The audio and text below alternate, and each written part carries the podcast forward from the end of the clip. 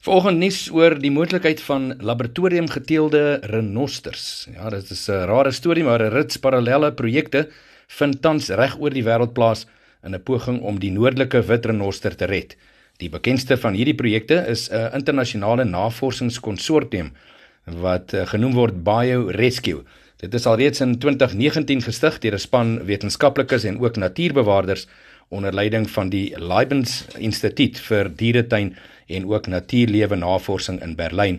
Dit is nou in Duitsland.